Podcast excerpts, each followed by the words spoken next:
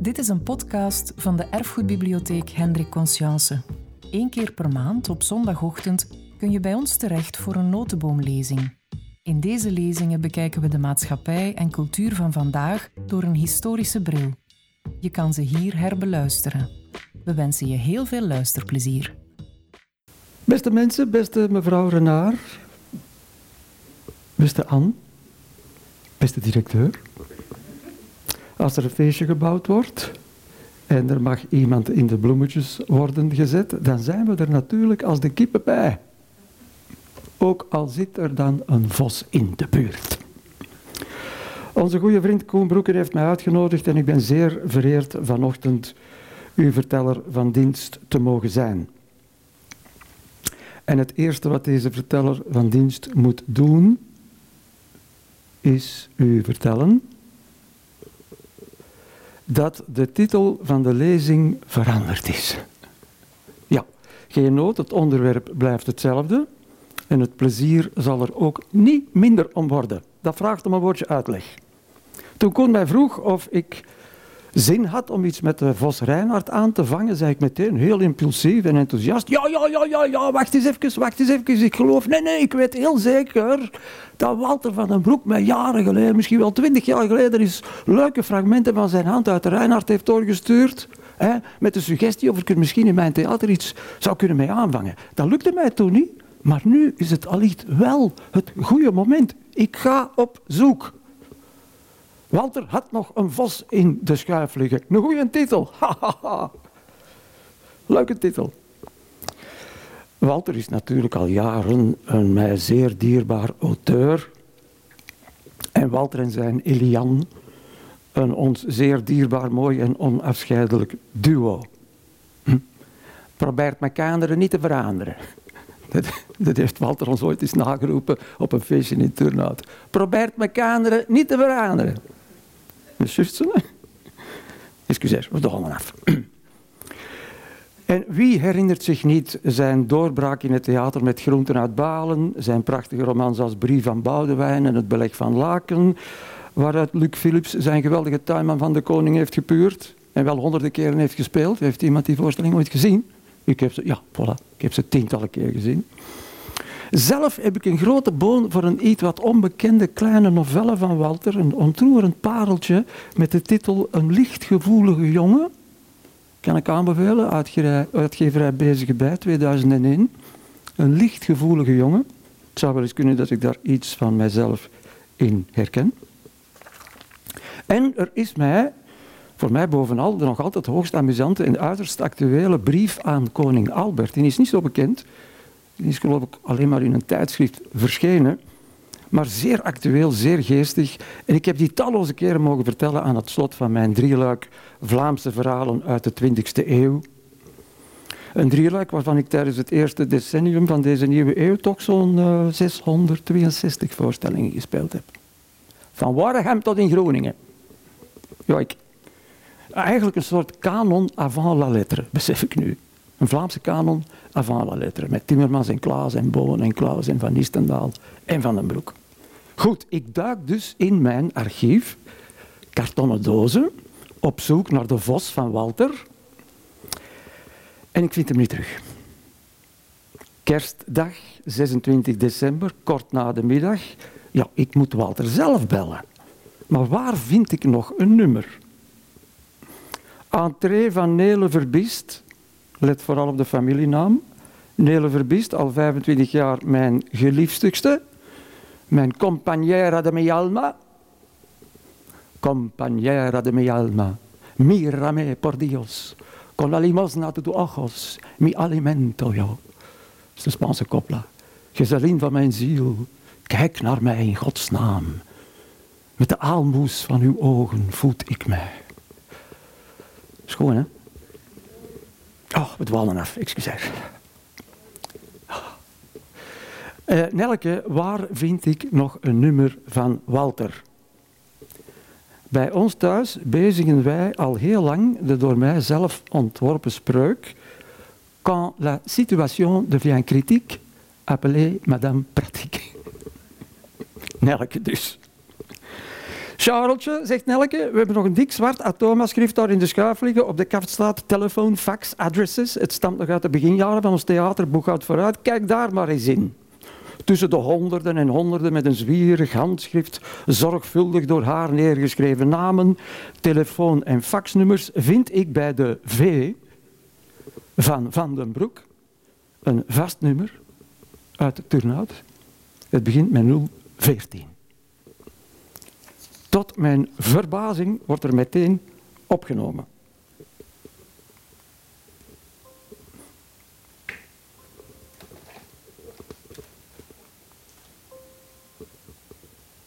Niet direct, maar toch. Er wordt met... Dag Walter! Dag Walter! Karel Vingerhoets hier aan de andere kant van de lijn. Kareltje, jongen, zegt Walter. Ja, ik vind het altijd heel plezant als mensen mij Kareltje noemen. Thuis noemen ze mij Charlotje. Charlotje schouwspeler. Dat komt omdat ik altijd honger heb. Ik heb heel de dag door honger en dan zeg ik altijd, ik ben hongerig wie een schouwspeler. Dat is een heel bekende uitdrukking in Oostenrijk. Ik heb die daar leren kennen. Er is hongerig wie aan schouwspelen. Dat komt natuurlijk door al die rondtrekkende acteurs die gelijk circusvolk ergens neerstrijken en dan eerst moeten eten voordat ze aan de slag kunnen. Hè. Excuseer, we dwalen af. Ja, ik vertel dat in mijn nieuwe voorstelling. Salve, dat is een voorstelling die ik gemaakt heb met de jonge violist Wolfram van Mechelen en die we toch al drie keer hebben kunnen spelen. Dag Walter, ja, het is Kareltje hier. Heb jij ooit eens niet... Ja, ja, ja, ja. Ik heb ooit eens wat fragmenten uit de Vos bewerkt voor een muziekensemble en jou dat dan opgestuurd. Wacht, ik zal eens wat rondsnuisteren. Geef mij even. Oké. Drie kwartier later zitten die fragmenten in mijn mailbox. Gecorrigeerd en wel met de boodschap: Kareltje, amuseert u. Ik stuur meteen een vrolijk bericht. Alles oké, Koen? Walter is nog een pak sneller dan mijn schaduw. Nelke en ik vertrekken nu eerst even op kerstvakantie naar het zuiden. Hè, vrienden bezoeken in Bargemont, dat is in de buurt van Nice. Als we terug zijn, dan begin ik eraan. Direct. De dag daarna, 27 december, mijn compagnera de Mi Alma zit achter het stuur van haar Mazda. En ik met mijn kopje in de wolken. Zoals gewoonlijk. En onderweg door Frankrijk verschijnt mij de ene epifanie na de andere. Ik heb het hier niet over een keten tankstations. U weet allemaal wat een epifanie is. Een feest van de openbaring. Maar Nelke, wacht eens. Wacht eens, wacht eens, wacht eens. Een van de allereerste theatervoorstellingen die ik ooit gezien heb, dat was naar Reinhard de Vos. En die was nog wel geregisseerd en gespeeld door uw eigenste vader, Jan Verbiest. Onthoud de familienaam. Een 11 juli-viering van Tonelabo Arlecchino in zaal Renova in Lier. Ik moet een ventje van een jaar of veertien geweest zijn. En nog een tankstation verder. Maar wacht eens even snelke. Volgens mij was dat een bewerking van onze bloedeigen lierenaar en buurman Gaston Durnay, of all people. Zou daar nog iets van terug te vinden zijn? En het was dus daar, ter hoogte van Metz, dat de titel van deze lezing veranderde in À la recherche d'un renard perdu. Oké, eerst nog even sardinetjes gaan kopen naar de Côte d'Azur. Maar eigenlijk kan ik niet wachten. En een dag of acht, negen later, na een mooie, ontspannende vakantie terug thuis, wordt het dossier Renard geopend en start het onderzoek. En dat verloopt meteen al zeer succesvol. Na een paar telefoontjes en mails met Erik Durnay, Marleen Durnay, Els Durnay, met Rick van Dalen, Ivan de Maaschalk van het Reinhardgenootschap in hun tijdschrift Tieselijn. Na een bezoekje aan Lier bij mijn schoonmoeder Annemie Verbist, Hoeben, en eentje bij Ludo Klokkaerts, archivaris van Toneellabo Arlecchino, heb ik niet alleen het oorspronkelijke verhaal van Gaston, gebaseerd op de bewerking van Paul de Mont, die hij ooit maakte voor het Vlaams Gevolkstoneel, in mijn bezit. Daarnaast ook nog een hele interessante vossenstaart toespraak van Gaston en een pak ontroerend mooi zwart-wit beeldmateriaal van de opvoering zelf in zaal Renova op 11 juli 1968. PowerPoint to the people. Le renard perdu est retrouvé. Ik bel natuurlijk eerst even terug naar de Walter. Ja, Walter, zo'n geval. Hè. Die in 11 juli weer een lier is opgedoken. Het kan een plezant verhaal worden met alles erop en eraan. Geen probleem, Kareltje. Amuseer u. En ik heb gezegd, hè, zoals ik gezegd heb, en by the way... En hij vertelt mij over een gloednieuw boek van hem dat volgende maand verschijnt bij uitgeverij Vrijdag. Een verrassing van formaat, beste mensen. Dat heb je nog te goed bij het einde van ons verhaal. Want daar zullen weer een heleboel verrassende lijnen samenkomen. Ik neem u nu eerst mee op een archeologische en antropologische 100% verantwoorde trip naar een dramaturgische plek ergens in het verre verleden van ons Vlaanderenland. Wij boren een gat in de tijd, om het met de Wannes te zeggen, en we laten ons zakken aan de touwen van onze verbeelding en zetten onze voeten voorzichtig neer. Het is een eindje de diepte in. Onze voetjes belanden midden in het jaar 1968 op 11 juli om precies te zijn. Wij nemen daarvoor een treintje naar Lier. Daar heeft op die dag het publiek in zaal Renova namelijk iets te vieren. Een 11 juli viering. We hebben eerste klas genomen, want onderweg wil ik u rustig als introductie een hele verhelderende en geestige korte tekst voorlezen van Gaston zelf. Dag Gaston, welgekomen. Zijn sprankelende ideeën komen uit een toespraak die hij gaf bij de uitreiking van de Orde van de Vossenstaart, hem verleend op 21 mei 1994. Hij vertelt, blikt terug en schetst op die manier het hele Vossenplaatje. Na zijn beschouwingen hoeven wij alleen nog de titelpagina van de toneelbrochure om te draaien en kunnen we aan de samenvatting van het verhaal zelf beginnen. We gaan dat natuurlijk niet te uitvoerig, uitvoerig doen. U krijgt een bondig en u zal merken vooral lichtvoetig voorsmaakje. We moeten vanmiddag toch ook nog op tijd aan onze rosbief met pijkens en ertjes zien te geraken. Niet waar? Goed. Gaston aan het woord. Gaston moet op zijn papieren kijken. Als ik de actiefzijde van mijn levensbalans goed bekijk, zie ik daar twee vossenstreken op vermeld, die na zoveel jaren mijn nederige hart nog altijd van blijdschap doen kloppen. Allebei dateren zij uit de jaren 60, de golden 60s, zoals zij in het Hollands worden genoemd. We kunnen ze beter de woelige, revolutionaire en flamingantische jaren 60 noemen. In die jaren werd in het rijk van koning Nobel slag geleverd voor de taalgrens en de taalwetten. Tegen het gekraai van Kanteklaar. Tegen de logge bruine beer die zijn honing vooral in Vlaanderen zocht. Tegen de kuwaard die het hazenpad koos. En zelfs tegen Grimbaard, de zielenherder uit Leuven-Louvain, die al de Belgische preken hield. In die sfeer moest ik in 1963 een toespraak houden bij de opening van het Salon van de Vlaamse Humor, georganiseerd door de Vlaamse Toeristenbond.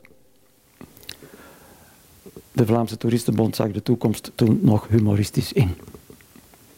Op zoek naar een thema dacht ik als vanzelf aan onze oude vriend Reinaard. Ik las en overwoog zijn belevenissen en kwam tot een ontdekking die mij met grote vreugde vervulde, maar tegelijk in verwarring bracht. Ik ontdekte dat, zowaar, de Vlaamse leeuw, onder wiens banier wij vochten, eigenlijk geen leeuw was, maar een vos. Vlaamse leeuw was een schuilnaam. Zijn echte naam was Reinaard. Door een speling van het lot en van de romantiek, die het liever bij ridderzinnenbeelden en graaflijke wapenschilden zocht dan bij de symbolen van de kleine man, is de leeuw op onze vlaggen gekomen en mocht hij ons vertegenwoordigen overal waar wij willen dat men ons herkent en erkent. Wij zullen hem nooit buiten gooien. Wij zullen hem met liefde bejegenen en vertroetelen, want hij is een der onzen geworden. Maar in feite hebben wij zelden de kans gehad ons als ridders en leeuwen te weer te stellen. Wij zijn er te klein voor. Voortdurend hebben wij ons hachje moeten redden als Reinaard in het land van koning Nobel. En Nobel, die heersende krachtpatser, die alleen maar werd gehoorzaamd door de domkoppen, de baantjesjagers en de van alle oorspronkelijkheid gespeende bourgeois. Dat wil dus zeggen door bijna iedereen. Nobel was helaas ook een leeuw. Goeie Reinaard, vrienden en vriendinnen, zo sprak ik toen, geef toe dat het serieus klonk voor een salon van de humor. Ik voegde eraan toe, als wij uiteindelijk vrijuit zullen gaan op een Tsinkse dagen, als Bosch en de hagen van ons land met groene loveren zullen zijn bevaan, dan zal dat te danken zijn aan de kracht van Reinhards fantasie, aan zijn scherp vernuft en aan zijn slimme oogjes, waarmee hij de feodale heersers om de tuin van zijn zoete land wist te leiden. Als wij het eenmaal halen, dan zal dat zijn omdat wij een vos in een Vlaamse leeuwenvacht bezitten. Een immorele schavuit, iemand die het gezag niet herkent en die alles en iedereen beetneemt telkens als hij het nodig of prettig vindt. Ik lanceerde mij dus in een betoog om Reinaard als een schrandere realist te portretteren. De schalkaart leeft in een feodale maatschappij. De groten, de machtigen, zij die de felste klauwen bezitten en de scherpste tanden, zetten alles en iedereen naar hun wil. De kleine, zwakke, laffe en domme dieren luisteren naar het gebrul. Zij doen wat hun wordt bevolen. Reinaard niet. Reinhard beschikt over een scherp wapen om zich te kunnen handhaven. Dat wapen is zijn geest. Hij ontsnapt dan ook telkens weer aan het aanvallen en lacht zijn belagers uit als hij in Malperthuis is teruggekeerd bij zijn vrouw en kroost, voor wie hij alles veil heeft. Dat hij daarbij niet zonder zonde is, welke Vlaming gooit de eerste steen. Als ik dat nu herlees, herken ik de geest van de jaren zestig, zoals die bij de jeugdige, strijdlustige Vlaamsgezinden van toen groeide. Geleerden hebben erop gewezen dat Van den Vos Reinaarde eigenlijk een navolging is van andere dierenverhalen, maar dat de Vlaamse herdichting door de onbekende Willem ongetwijfeld de beste is. Dat kan geen toeval zijn. Willem maakte zijn meesterwerk omdat Reinhard zo volkomen overeenstemde met zijn Vlaamse geest. Hij hoefde alleen zijn eigen werkelijkheid maar te transponeren en op bepaalde toestanden te enten. Reinhard incarneert de kleine Vlaamse man. Daarom zou hij ons door de eeuwen heen blijven aanspreken. Daarom waren hij beter, een beter symbool op onze vlag dan de leeuw. De leeuw van Vlaanderen. Nochtans, dat boek hij maar ondersteboven gekeerd. We laten Ernest Klaas even tussenkomen. Een goede vriend van Gaston. Niets, niets, geen verhaal of gebeurtenis. Hij maar in mijn jeugdjaren zo aangegrepen, vertelt hij in de Witte van Zichem. Maar dacht, toen ik het gelezen had, dat ik dezelfde mens niet meer was. Ik was mij bewust geworden van het bestaan en van de geschiedenis van een groot en oud volk, waartoe ook ik behoorde. Ik dacht ineens aan het ontroerendste ogenblik vlak voor de slag der gulden sporen.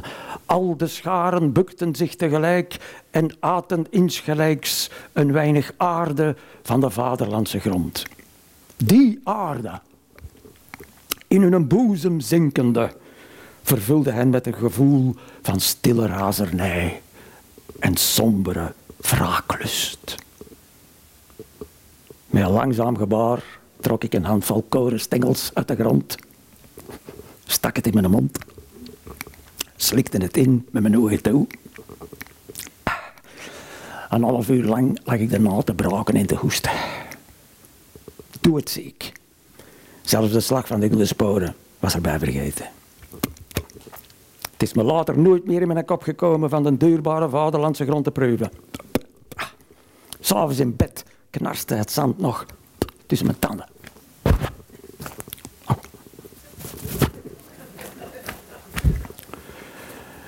Ja, ik had toch nooit iets anders gehoord dan sedert het jaar 30 staan wij onder de bels. Hè? Als je klaar bent, dan weet je niet beter. Excuseer, bedwalen af. Wacht, nu wordt het warm. Gaston, terug aan het woord. Kost dat niet later.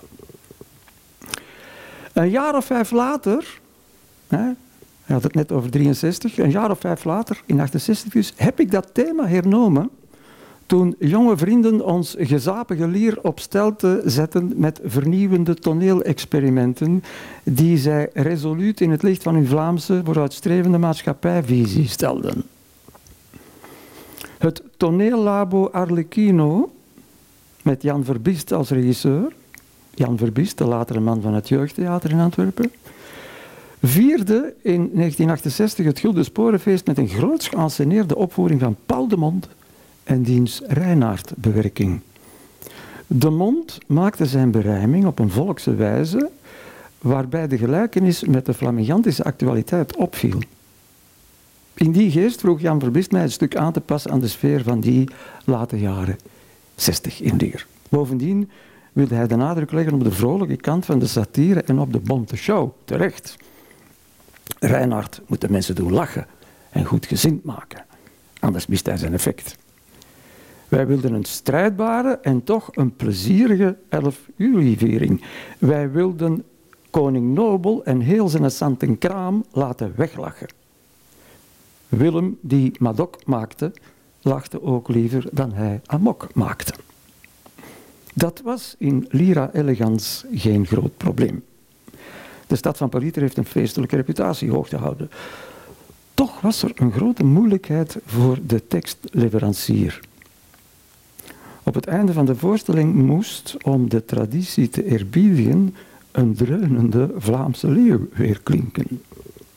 Maar hoe konden wij plotseling brullend laten verkondigen dat men de leeuw nooit zou temmen als wij hem vlak voordien door de vos lieten flappen? Wij hebben ons daar suf op gepeinst, Jan Verbiest en ik. Ten slotte lieten wij een dierentemmer, die ook het stuk had ingeleid, zorgen voor een uitleiding waarin hij de kwestie van de schuilnaam toelichtte. De Vlaamse leeuw was een andere leeuw dan koning Nobel. Hij vertegenwoordigde de macht die de Vlamingen moesten veroveren, terwijl Rijn de Vos de Vlaamse slimheid moest verbeelden. Zedeles en slot. Wie macht kan steunen op verstand, die is de meester van het land. Welaan, zing dus met luide stemmen, zij zullen geen van beide temmen. Dat was ook nog niet veel vertoond, schrijft Gaston. Een dierentemmer die de menigte aanspoorde om de lof te zingen van de ongetemden. Voor mij, schrijft hij nog bij, roepen deze rijmen mooie en zelfs ontroerende herinneringen te binnen.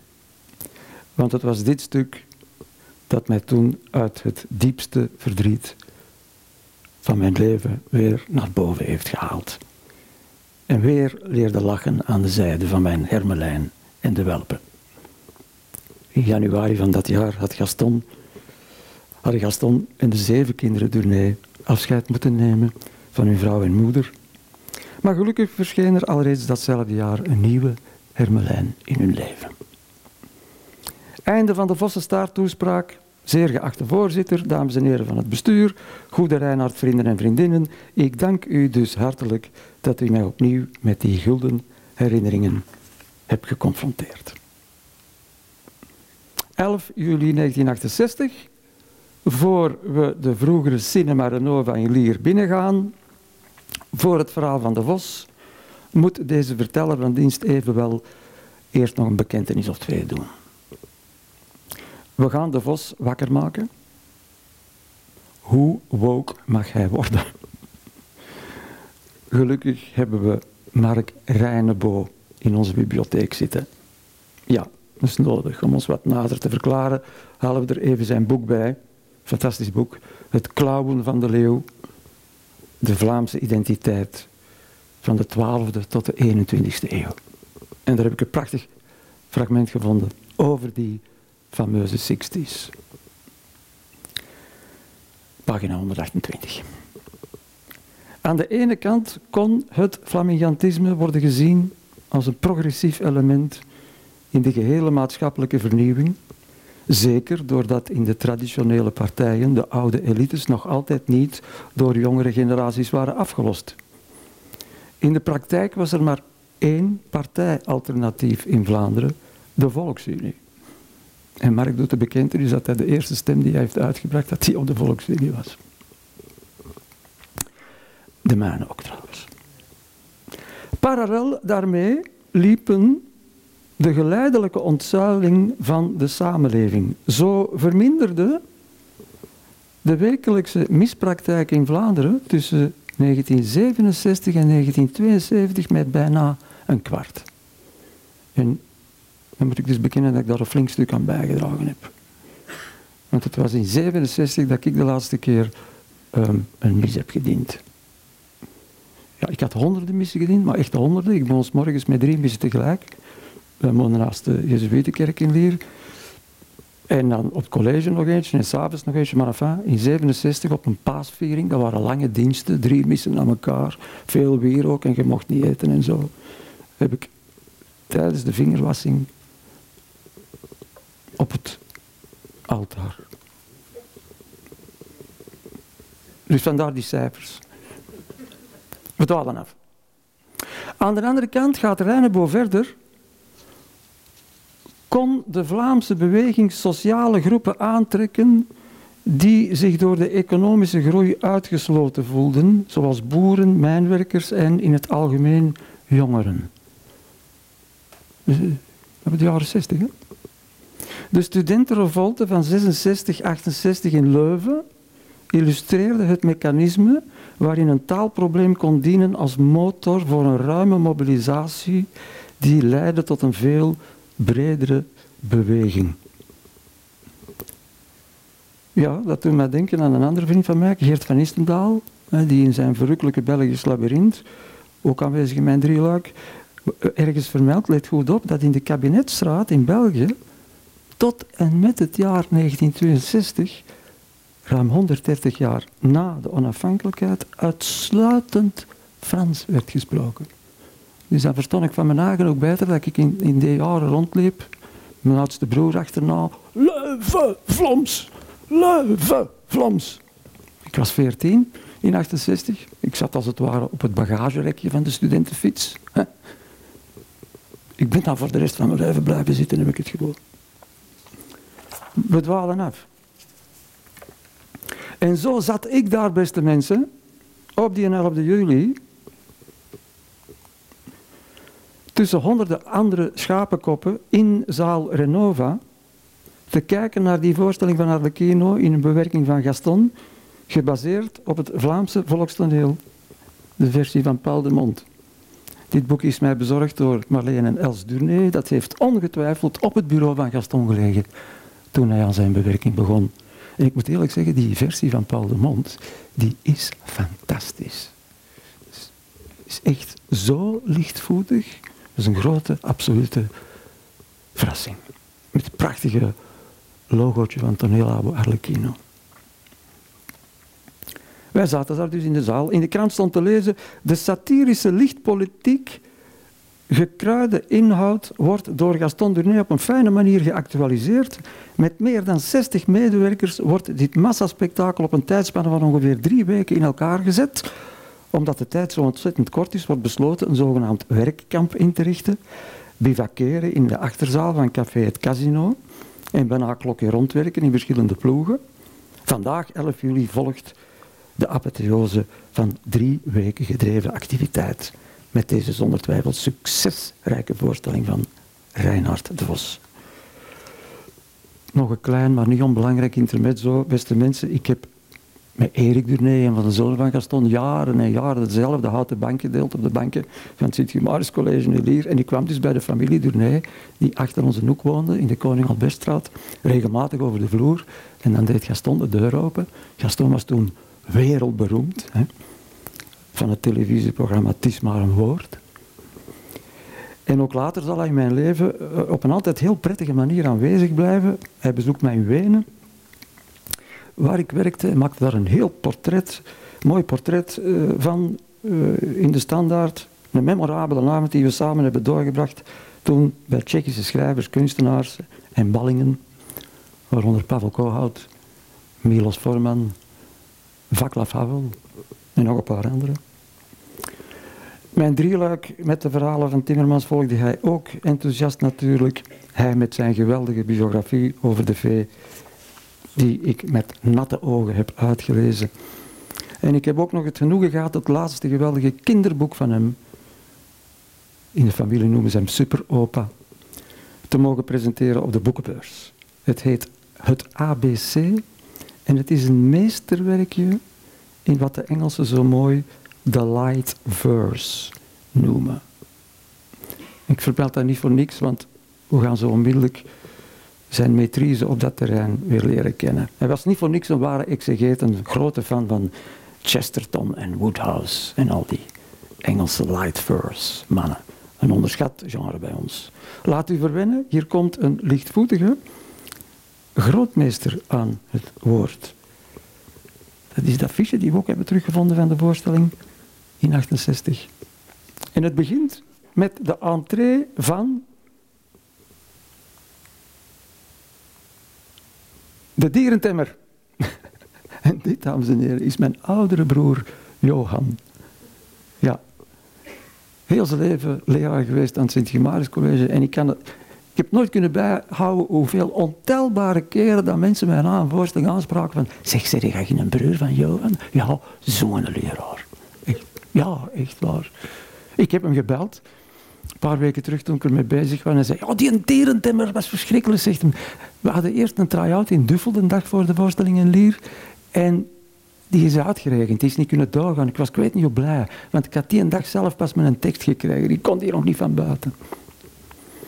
Dames, juffrouwen en heren, vanavond gaan wij u presenteren het magnifieke dierenspel. Kijkt uit uw ogen en luistert wel. Burgers, boeren en boerinnen. Wij tonen u de wereld die verandert in een zoologie. Soldaten, champetters en officieren, hier vechten straks de wildste dieren en zelfs de tammen doen nu mede. Zij voeren oorlog voor de vrede. Metsers en vissers en kleine lieden, kijkt hoe de vos hier het hoofd zal bieden aan de kracht van het domme geweld in de bossen en in het Vlaamse veld paters, pastoors en monseigneurs, burgemeesters en grote seigneurs, ministers en sieren de koning, misschien zult gij hier een zedenles inzien. Komt dus allen in dichte drommen, grote praters en gij doofstommen, en zwijgt en luistert naar het spel. Wij wagen hier voor u ons vel.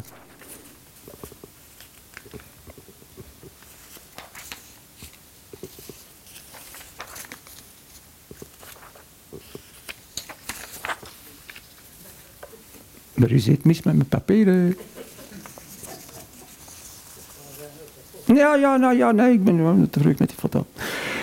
Hier is Bruin de loggebeer. Hij heeft veel kracht, maar ook niets meer. Hij dient dan ook alleen zijn koning, ter wille van een beetje honing. En ziet je daar die boze kop? Het is Isegrim de wolf, let op. Gij meisjes met een rode kap. En Bonnemas verbergt u rap. Zijn er soms muizen in de zaal? Slaat dan op de vlucht allemaal. Tijbaard de kater laat maar vrij, alleen wie groter is dan hij. Ziet hoe hij sluipt, de valse lonker. Hij knijpt de katjes in het donker. Dit heertje dat zo ijdel kraait, is kant-en-klaar de vieren haan, steeds klaar om voor in, vooraan in beeld te staan. Aan deze lange smalle oren is ooit Kuwaard de haas geboren. Een bang en schuchter dier is dat. Hij poetst altijd het hazenpad. Daar komt de luipaard Virapeel. Hij ziet van bloeddorst bijna scheel. Hij spoort de andere dieren aan op moord en rooftocht uit te gaan. Hij wil geen vrede in zijn rijk. Hij houdt van nobel liefst als lijk. In deze vredesologie leeft God zij dank nog iemand die belangstelt in theologie. Het is Grimbaard, de goede das, die altijd zielenherder was. Hij bidt en geeft de koning raad over de plichten van zijn staat. En na dit fraaie rijmpje is er ook nog Belijn de Rijksminister. Hij leidt de politieke dans, hij spreekt in alle talen Frans. Enchanté, dag meneer Deran. Au revoir, mais à madame. Zie hier dus, waarde circusvrienden, wat wij zoal bij Nobel vinden. Hij is omringd door groot en klein, door brut geweld en sluw venijn, maar één man is er nog niet bij. Nog één man loopt er frank en vrij.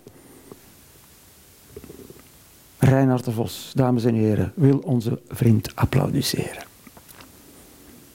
Reinhard de Vos, geacht publiek, ik dank u wel. Spaar wat applaus voor na het spel. Gehoord het, Reinhard kan mooi spreken, maar wacht, hij heeft nog andere streken. Hij is niet sterk, maar zijn verstand is het grootste van heel het dierenland. Zo staan de dieren nu klaar voor het grote feestrevue. Het spel vangt aan in het paleis. Daar heeft de koning vree en pijs verkondigd voor het hele woud. Want hij is moe en wordt wat oud. Maar wijl de kleine zwakke dieren die vrede met een fuif gaan vieren, morren de grote slechtgezind, omdat je nergens bloed meer vindt. Er komt geen vlees meer op hun borden. Zij moeten sluikslachters gaan worden. Alleen vriend Rijn heeft alles door. Hij knoopt de les in het goede oor. Er is geen vrede in het bos dan in de woning van de vos. Nobel. Wel nee, wel nee en nog eens nee. Ik heb ook recht op pijs en vree. Ik wil geen koningskroon van doen. Ik wil vakantie. Geef mij pensioen. Laat mij die rotzooi hier vergeten. Ik wil gaan zwemmen in de neten. Dat doet mij denken aan die anekdote van die twee leraars in Parijs. Kennen die? zijn twee leraars in Parijs aan de, aan, de Seine over de brug geleund. Hè? En die ene leraar zegt zo tegen, die andere... Amai, die nijd is hier nog wat brier dan bij ons. Hè? Berlijn, marsieren, wacht tot volgend jaar. Dan is in het park de zwemkom klaar. Nobel, mon joie en sacre bleu, ik ben het regeren beu. Weg met dit uitgediend symbool voor het volk van macht en, macht en heerschappij, voor mij van last en slavernij. Ik ben het beu als klautergroot idool, de klauwen tam gevouwen mijn navel te beschouwen. Ik ga gebukt onder een dwaas ornaat. Ik ben geen vorst, ik ben een bureaucraat. Eilassen, ik rustte na mijn middagmaal en had mijn lieve koningin een droom vol echtelijke min. Hoe zoet uit een droom in een roes te glippen, maar ik vond het ontwaken hoogst sinister in plaats van uw karmijnen lippen, de tronie van mijn rijksminister. Vind ik toch gewoon verder. O heer en meester, zeer gedegen, zegt Belijn, ik wek u zeker ongelegen, betuig daarvoor mijn diepe spijt, maar het uur helaas gunt geen respijt. De landdag wacht, door u gedaagd. Zo word ik eens te meer geplaagd. Sinds ik de vrede heb verkondigd, wordt er bedunkt maar eerst gezondigd. Het gedierte van alle pluim en vachten bestookt en teistert mij met klachten. Nog klein, nog groot, geen is tevreden. En ik verdomme, eh, pardon, ik zit ermee. Voor wie niet buigt voor koningswetten, geen lang beraad, doch korte metten. Wie heeft er schuld aan het rechtsgeschil? waarvoor zo driest en ongehoord mijn spijsvertering wordt bestoord? Spreek op, wij zijn heel scherp geprikkeld. De zaak is redelijk ingewikkeld. Geen frazen, feiten, noem het gespuis. Reinhard de Vos van Malperthuis. Dan leeft hij nog, de oude rakker. Ik waande hem sinds maanden dood. Slecht nieuws. Schiet die schavuit weer wakker. Als Reinhard waakt, is het recht in nood. Ik waar hier menigwaardig dier, alleen de vos is nog niet hier. Als wij op Reinhard moeten wachten, kunnen we hier straks nog overnachten. Enfin, samenvatting van Charlesje. Alle dieren klagen het onrecht aan en door de sluwe vos aan ieder aangedaan. Ik vat het voor u zeer bondig samen, alvorens wij dan een korte poos ingaan. Die poos gaan we nu inzetten. Kuwaard de haas. Hoor hoe Kuwaard hier werd toegetakeld. Reinaard bracht hem in de waan dat hij hem tot kapelaan kon bevorderen met studeren. Eerst moest hij het credo leren. Voor die les in liturgie nam hij Kuwaard op zijn knie. Meester Reinhard zong mooi voren, maar op het onverwachts voortslot sprong het haasje naar de strot. Rijn, artiest en virtuoos, werd getergd door Kuwaards voos. Hij zong vals, was dus kastijdbaar. Dat is bij het leren onvermijdbaar. Nobel, ik wist niet dat een valse noot gestraft mocht worden met de dood. Moet ik uit uw woord beslechten dat de vos zichzelf wou rechten en de haast naar het leven stond? Koning keurde verse wond. Isegrim dan, de wolf, daar hebben we geen foto's van teruggevonden. Al denk ik dat er toen in het casino s'nachts van die nachtcamera's gezet zijn. Maar... Isegrim, balsem op mijn lijdend hart, balsem voor mijn vaders smart. Ieder kent mijn avontuur, weet hoe Rijn bij winterguur eens mijn gade heeft besprongen. Er waren spijtig geen getuigen, zo viel mijn eerste klacht in duigen. Maar ditmaal breng ik een nieuw feit. Nimmer werd een vergrijp bedreven als de vos onlangs verzon. In de milde julizon speelden mijn vier welpjes dartel. Acht is uit met hun gespartel. Heeft de vossen soms verbeten? Erger vrouw koningin, u moet het weten. Hun levensvreugd is uitgewist. Hij heeft hun oogjes uitgepist.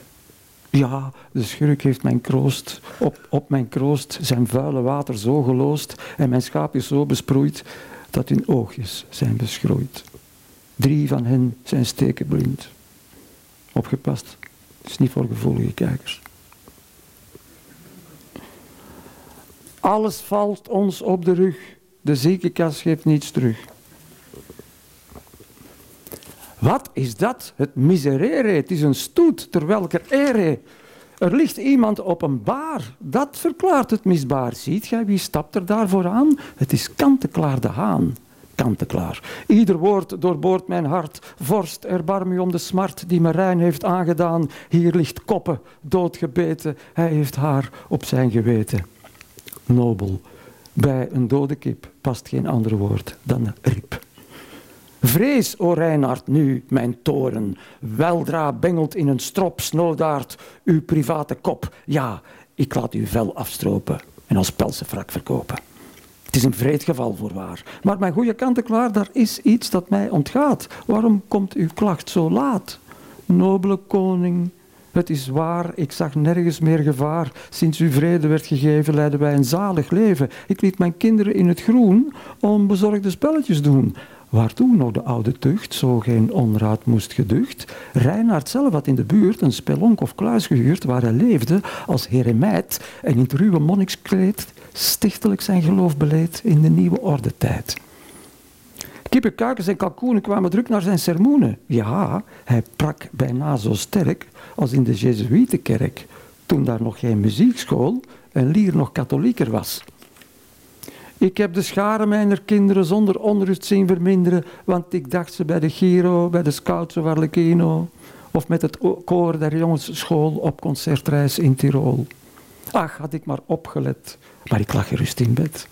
Gisteren, na de avondstond, hoorde onze hoevenhond, die een wandeling ging maken, in de verte gillend slaken. Max trok af op het gekakel en hij zag een vreed spektakel koppen lag daar in het gras, in een grote rode plas, wijl een ruige rood gebaarde monnik bloedig likken baarde.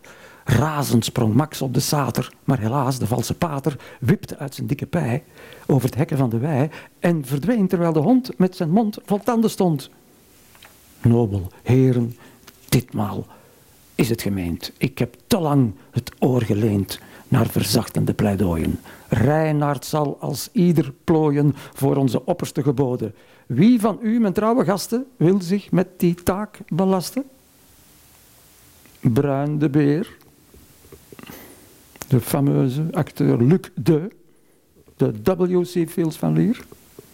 Vorst, ik hou niet van gepraat, wel van een flinke daad. Als die heren hier verzagen, zal ik Rijntje wel gaan dagen. Morgenmiddag op de noen, tot laatste twaalf uur, breng ik u de aardskapoen. Hij betaalt zijn zonden duur. Hij ruimt de baan waar gaan, wij zonen van de hel. hielden, die hielden vrij van rij naar dij, de bossen en de velden. O beer, o beer, o beer, sla met uw klauw de vossen neer. Haha, ik zal hem mores leren, ik de sterke man der beren. Ik zal hem met mijn vuist verpletten, ik snij zijn lijf aan koteletten en zijn rug in tournedo. Ik draai hem in een de Of misschien pâté de foie. Nee, gewoon een cervela. Hij mag nog zoveel vertellen. Ik maak van hem hier frikadellen. Met ajuin en pili-pili. Dat doet me denken aan frituur en tettentaster. Frituur en tettentaster in leer. Je gaat in leer 2, frituur, sorry, we dwalen even af. Hè. Maar gaat op de Grote Markt hadden, hadden Moniquesken op de hoek van de Florent van Kouwenbergstraat en aan de andere kant hadden de tettentaster. En een tettentaster, dat is een meetoverhaal eigenlijk. Ja, die werd zo genoemd omdat als, als die een pakje aan de vrouwen overhandigde, dan pakte hij altijd zo een flink stuk boze mee. Friteur de tettentaster. Het is trouwens een friteur test, tettentaster dat ik vernomen heb, gehoord heb op transistorradio, dat Lierse Leeds had geklopt die avond met 04. Dat is ook een historische... We dwalen af. Reinhard. Kijk wie daar komt aangegaan, dik en vet en wel gedaan met gendarmekipie op. Zijn intellectuele kop is de sterke bruine beer. Reinhard, opgelet dit keer. Rijntje, Rijn, mijn brave man. Kom buiten dat ik u kussen kan. Kom buiten dat ik u kan groeten met mijn handen en mijn voeten. Kerel, u dreigt groot gevaar. Koning Nobel is verstoord om uw laatste laffe moord. Hij zweert bij zijn leeuwenbaard dat gij er niet goed bij vaart als gij niet naar hem zult gaan om terstond terecht te staan. Reinhard, kom nu met mij mee naar de vorstelijke stee. Bruin, ik stop meteen de strijd. Het is een rechterhand. Ik stop meteen de strijd en ben tot de reis bereid. Ik verlaat de slechte paden, maar mijn maag is overladen door een wonderlijk gerecht. Oei, oei, oei, het bekomt mij slecht. Ik kan niet zitten en ik kan niet staan. Ik heb mij verschrikkelijk overeten. Zo, waarmee, mag ik het weten? Met een brei, stroperig en geel, walgelijk, slijmend in de keel, dat het mij zo tegenstaat, altijd eeuwig. Honingraad, wagarmen, mijn darmen. Ai, oei, alarm, alarmen bruin. Elk fatsoenlijk gastronoom likt zijn vingeren voor die room. In uw plaats zou ik niet klagen. Ik lust honing alle dagen. Heilige gastronomius, gij, hulp der eters, sta me bij. Is er iets beters op aard dan hetgeen de bij vergaart? Bruin, je brengt me van de wijs. Toen je kwam, werd je zo stroef en nu word je ineens zo lief. Ik ben, zegt Bruin, oh god, als je het al niet wist, doodgewoon een realist. Eten eerst, dan redeneren. Wat kan het mij tenslotte deren dat jij een zand zijt of krapul als ik maar mijn buikje vul? Ik ken maar één principe op aard. Het plezier is het ander waard. Oh, bezorg mij honingraad en ik word uw advocaat. Reinhard, uw festijn ligt in het verschiet. Ziet gij daar die holle boom, die steekt boordevol met room. Zwijg nu maar met volle keel, maar ik bid u, niet te veel. Eet u toch geen indigestie, wees gerust. Geen schuin of kwestie dat ik overdrijven zal. Matigheid past overal. Wie laat zich hier niet bekoren? Ik plons erin, tot over de oren. Dieper, dieper, geef niet af. Ik voel nog niks. En nu, pardaf, oei, oei, al mij. Rijntje lief, snel, hulp, ik stik. Help me, Rijn, ik zit in een strik. Voelt gij het nu eerst slimmerik? Ik ben danig in mijn schik. Onder ons, ik had maar één vrees, dat de klem niet mocht weerstaan aan uw driest berenvlees. Ik ben gerust, je zijt eraan. Over een uurtje zijt je in de hel, met die honing op uw vel. Bruin. Provo! Ongewassen vent beatnik, flamingant, student. Heel met een berenuniform is kapot en uit de vorm. Zie mijn sterke rechterpoten. Zijn nog armen naar de sterren.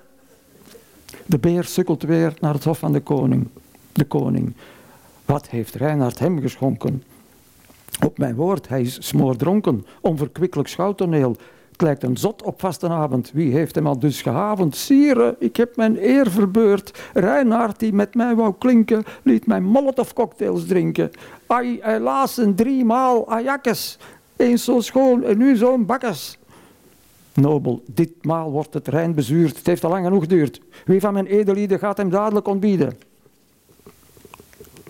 Tijwaard, de kater.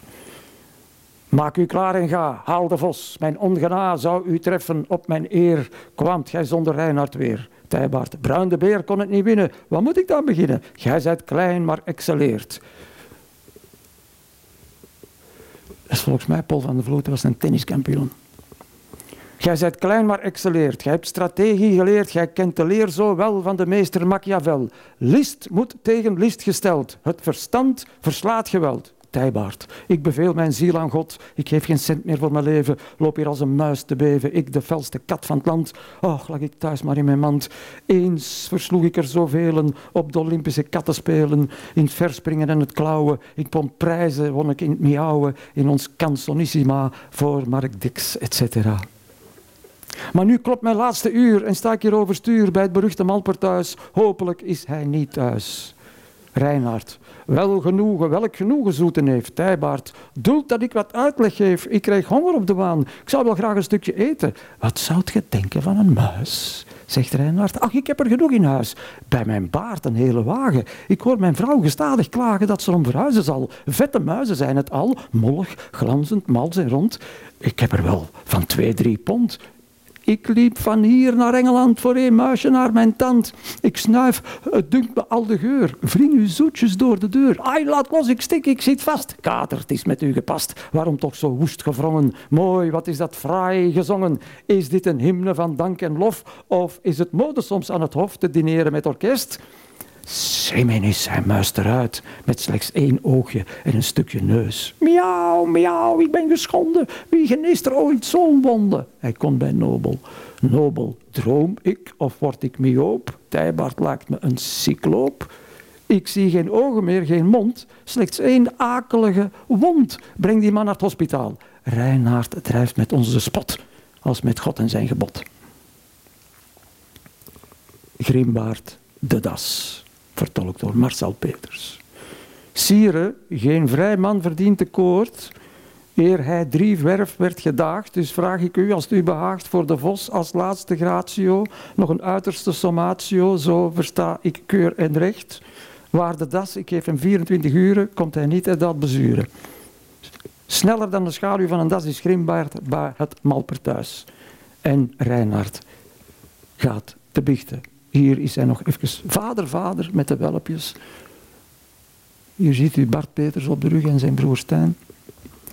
En, nee, nee, dat is te vroeg, dat is te vroeg. Reinhard gaat te biechten. Ach, mijn God, ik ga moedeloos verder, arme schaapjes zonder herder, lieve Grimbaard, zoete neef, ik word zo angstig dat ik beef.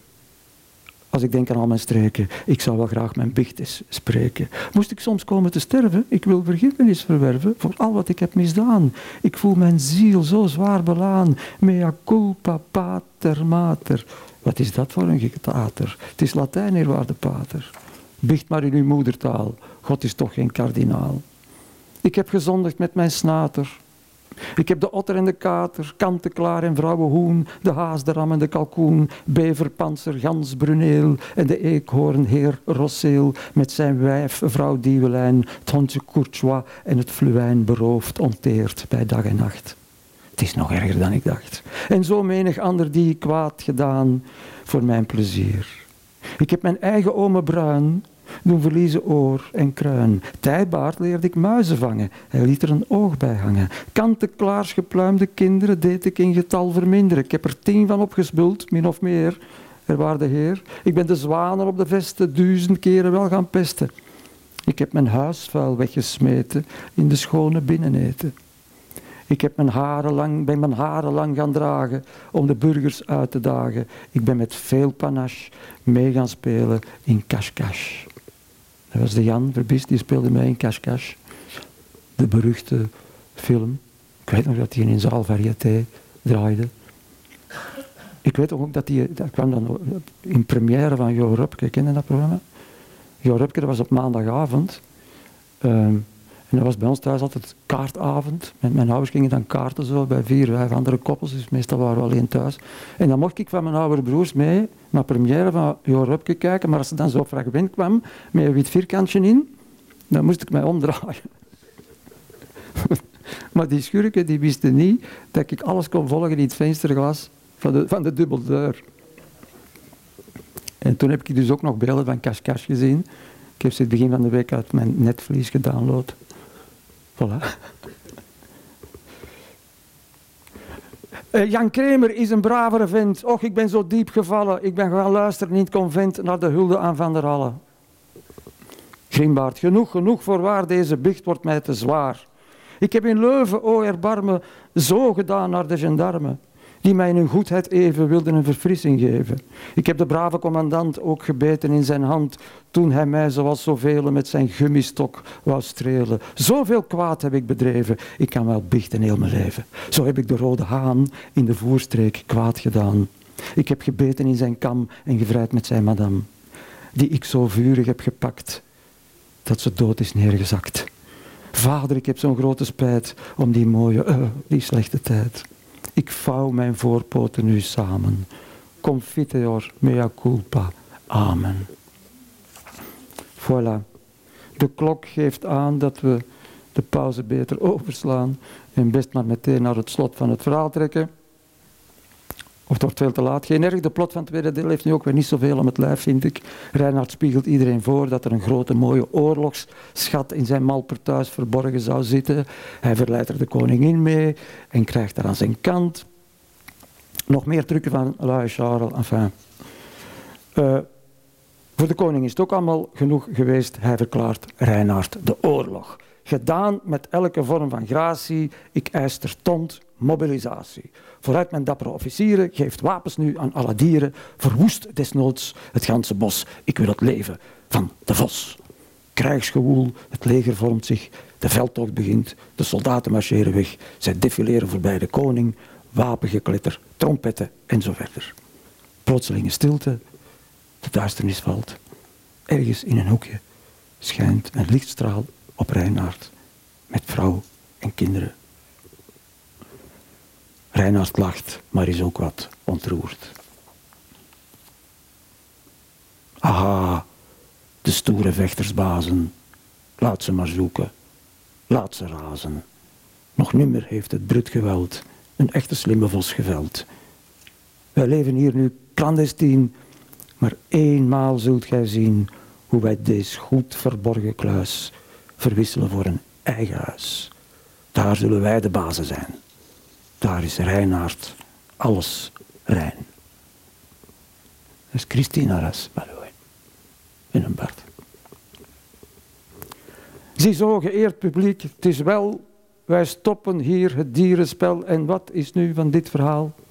De zedeles en de moraal. Gij Vlaming, als je toch niet weet, verdient gij enkel maar uw leed. Denk na over dit vossenleven en wat uw dichter heeft geschreven. Weet dat gij niet meer wordt verhoord, zolang gij bedelt aan de poort. Dames en heren, Vlaamse mensen, alleer u goede nacht te wensen, vraag ik, bekijk nog eens Rijn. Zou hij soms niet dezelfde zijn, die met zijn grappen blij en kras de grote uilenspiegel was? Voilà. En het straffen is dus dat dat boek waar Walter van den Broek mij over vertelde, zijn nieuwe boek dat volgende maand verschijnt bij uitgeverij Vrijdag, alles veel. Van lijnen die samenkomen. Slot.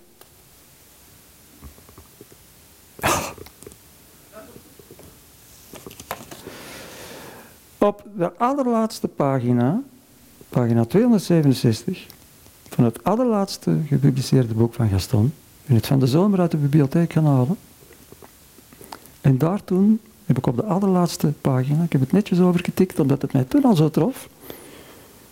Het boek heet Een danser in de sneeuw. En op de laatste pagina staat zijn allerlaatste gedicht. Op 13 november 2019 om 18 uur 49 mailde Gaston Durné dit tekstje door naar zijn dochter Marleen als reactie op de brandstichting in het asielcentrum in Bulze in de nacht van 10 op 11 november 2019. Twee dagen later werd hij in het ziekenhuis opgenomen. Hij overleed er op 22 november. Het gedicht heet Mijn leeuw. De leeuw waarmee gezwaaid werd toen het asielhuis brandde, was mijn leeuw niet. Mijn leeuw heeft geen zwarte tong en geen zwarte klauwen. Mijn leeuw die aan het gemeentehuis op het plein wappert, is mijn leeuw niet. Mijn leeuw heeft geen rode tong en geen rode klauwen. Mijn leeuw, dames en heren, heeft een warm en rood hart. Voilà. Dank u wel.